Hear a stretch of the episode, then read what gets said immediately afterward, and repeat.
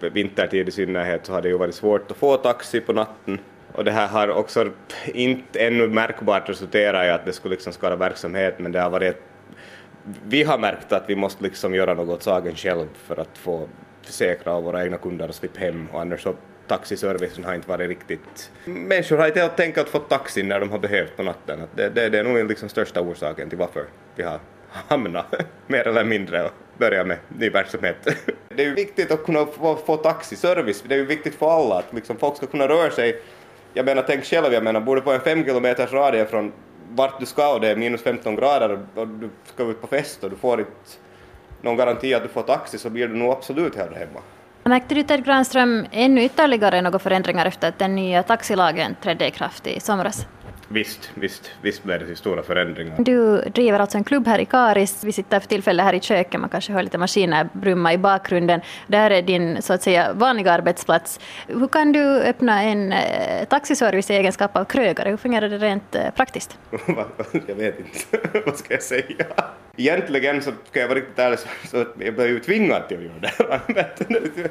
På gott och ont, nu det är ju roligt det lika, det var kiva att det gav men det har ju varit mycket jobb och liksom som allt annat, laga något nytt och gå igenom och, och, och krogen tar ju upp mycket tid och så här så det har ju varit mycket stress och som sagt vi hade ju, vi hade ju nu då första helgen förra helgen, liksom fredag, lördag söndag, så hade vi den på prov. Vi har gått igenom all, allt igenom, liksom, vi, vi har tränat oss igenom och förberett oss liksom om och om igen på vad man ska tänka på och så vidare.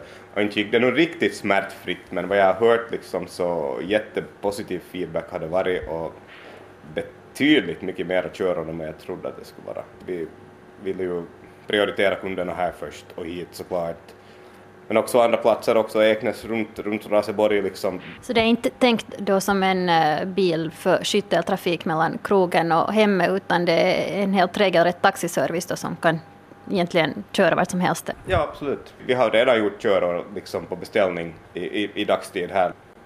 Ted Granström, du sa redan att idén föddes uh, från ett behov. Du märkte att dina kunder här på, på din klubb inte fick taxi då när de behövde, när de behövde komma hem på natten. Men uh, själva modellen för det här, har du träffat andra krögare som har gjort motsvarande eller var det helt din egen idé? Första gången jag hörde om att det hade hänt något annanstans var nu när jag hade bilen på installation till Vanda, så då berättade han som installerade att de har gjort exakt på samma vis i Borgå. Men bort från det så har jag inte hört någon annan som har gjort liknande. Jag tror i framtiden att det här kommer att bli vanligare.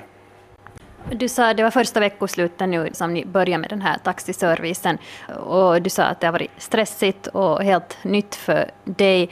Hur känns det att eh, ta sig an en eh, bransch som du inte har någon tidigare erfarenhet i ytterligare då till den här eh, klubbverksamheten, Ted Granström? Jag kan säga riktigt ärligt, när jag körde bilen hem, då när jag hade skaffat den och var på väg hem med den så fick jag en kall i ansiktet och funderade vad håller jag på med riktigt?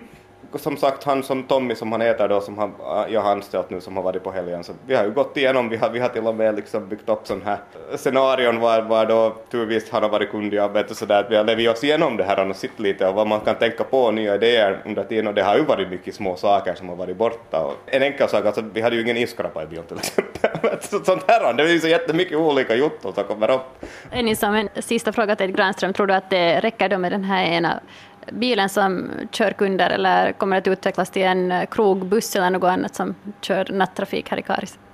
Jag vågar påstå efter vår första helg att inte kommer det att ta allt för länge så får vi få efter en till bil.